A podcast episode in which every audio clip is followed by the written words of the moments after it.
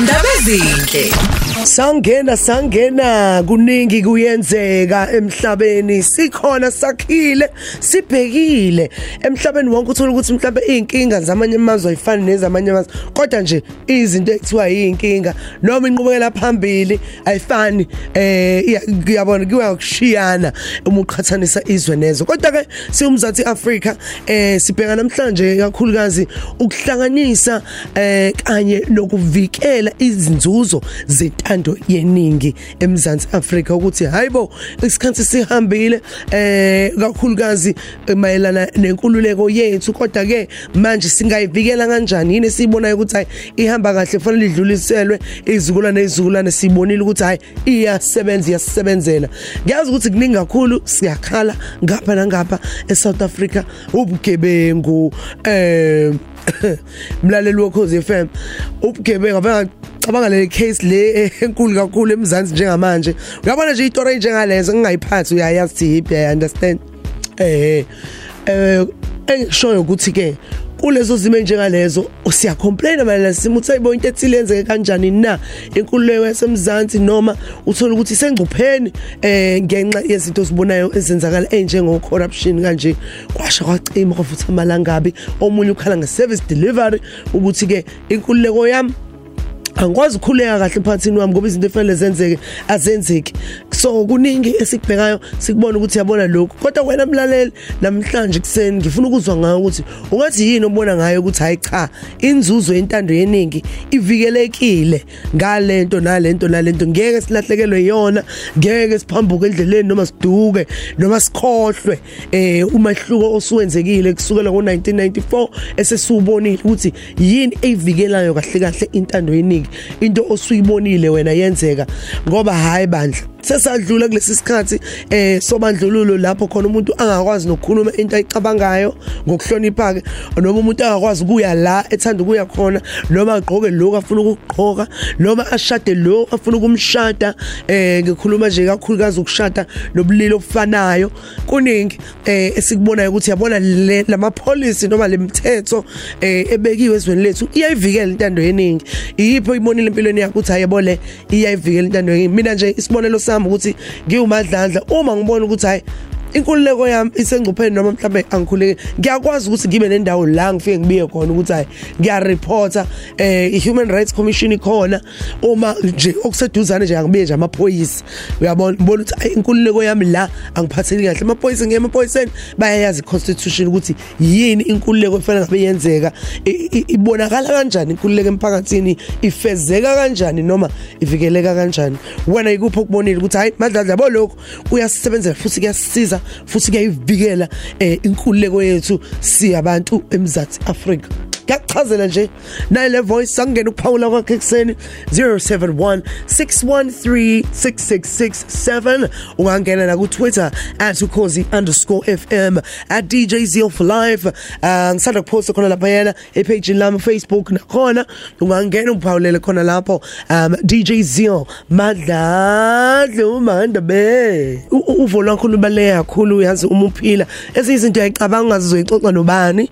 Um ezinye izinto uyazicabanga kodwa futhi mhlawumbe usoze uyicabanga ngendlela mhlawumbe yabo? Engahambisani kahle kahle hle. Omunye akubonisa ukuthi hayi kunje nje nje ngoba kunje. Kodwa ke akukho wrong noma ku right kodwa ke kuningi sikufundayo mina ngihlezi kumuntu oyifundelayo nkosami empilweni. Omunye umuntu ozifundisa namhlanje kuseni uyena uMordecai sihambele isethu sikhuluma ngayo nje inkululeko. Uh, uMordecai Ndlovu ukhona uyena ke ozobe esihambele ekhuluma nathi mayelana nayo le ndaba yenkululeko yethu ukuthi si singayipreserve kanjani sigcine sivikele eh sibheke futhi ukuthi ihambe kanjani noma uyabo eh kuphi la ingaba ngcono khona.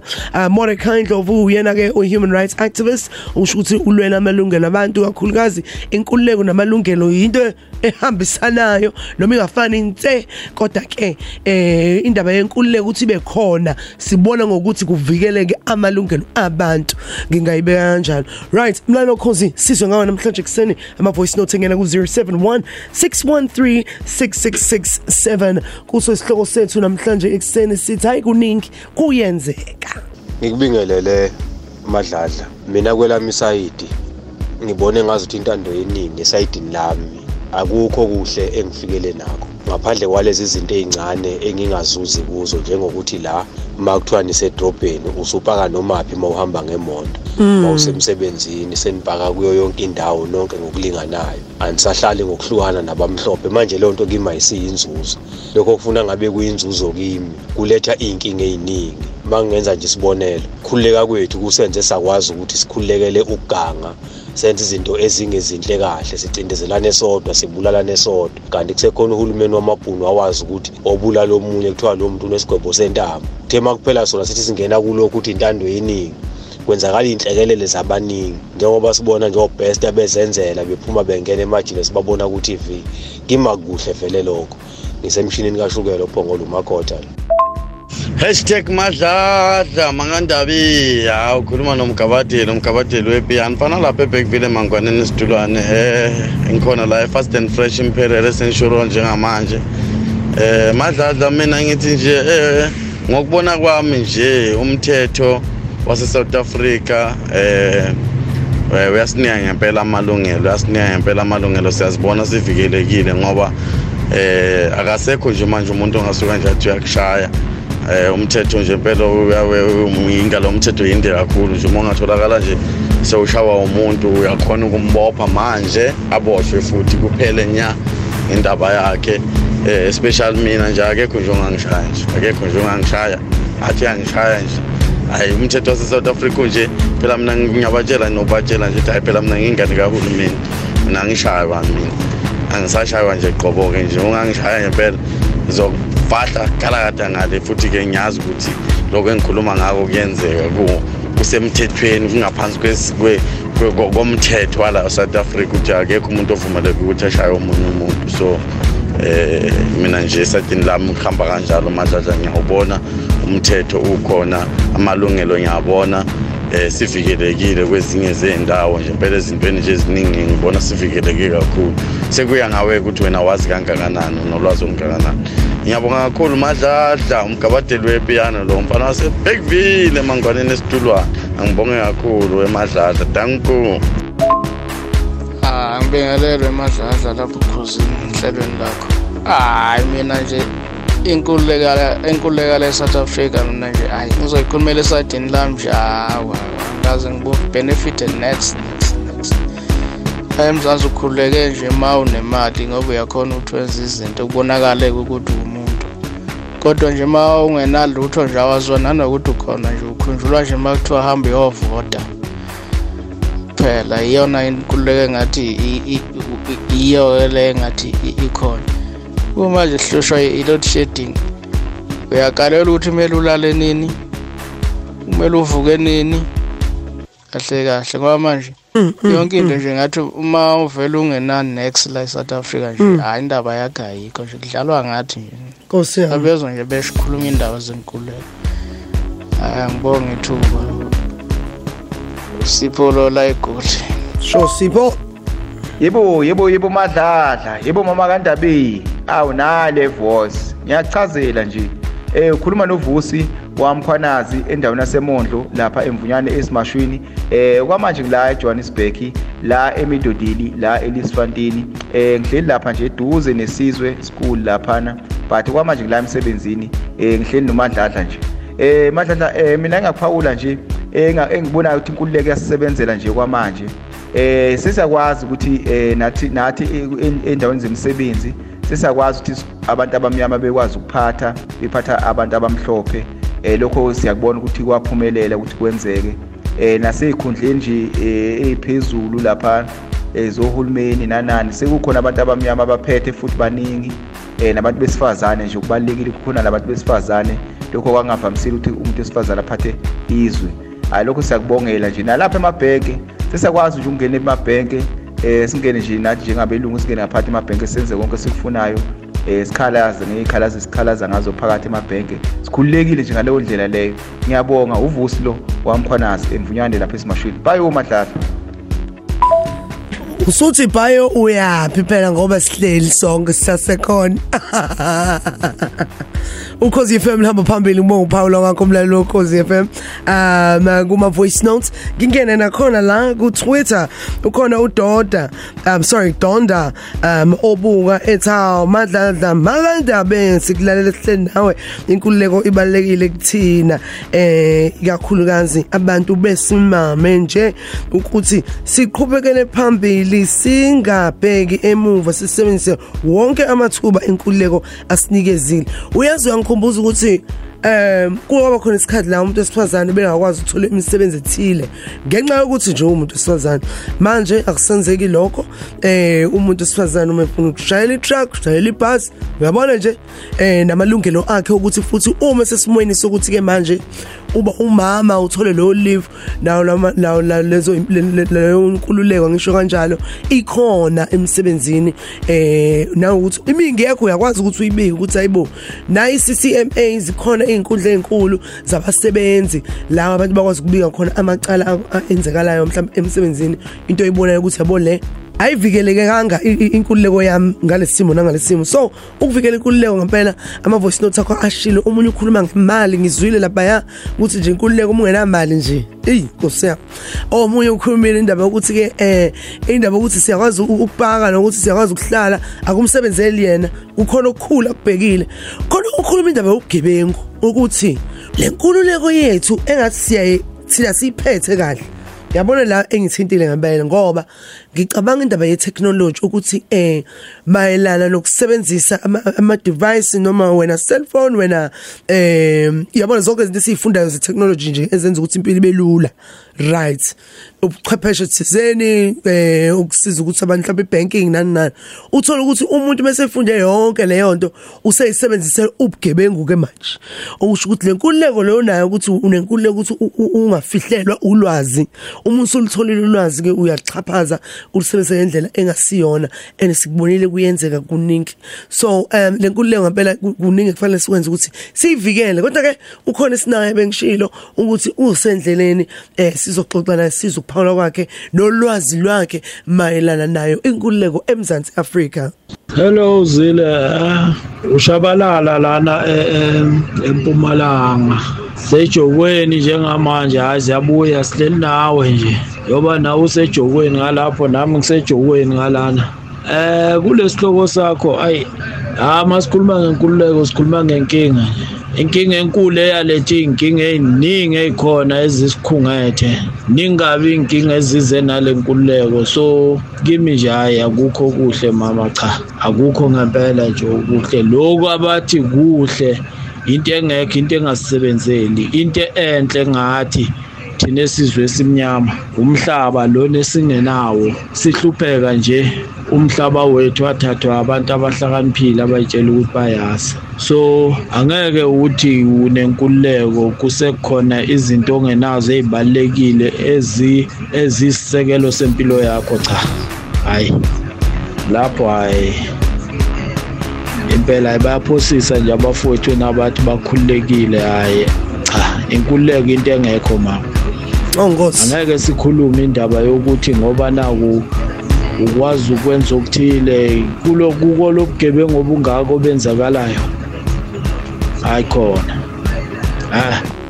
Wemakandaba sawubona.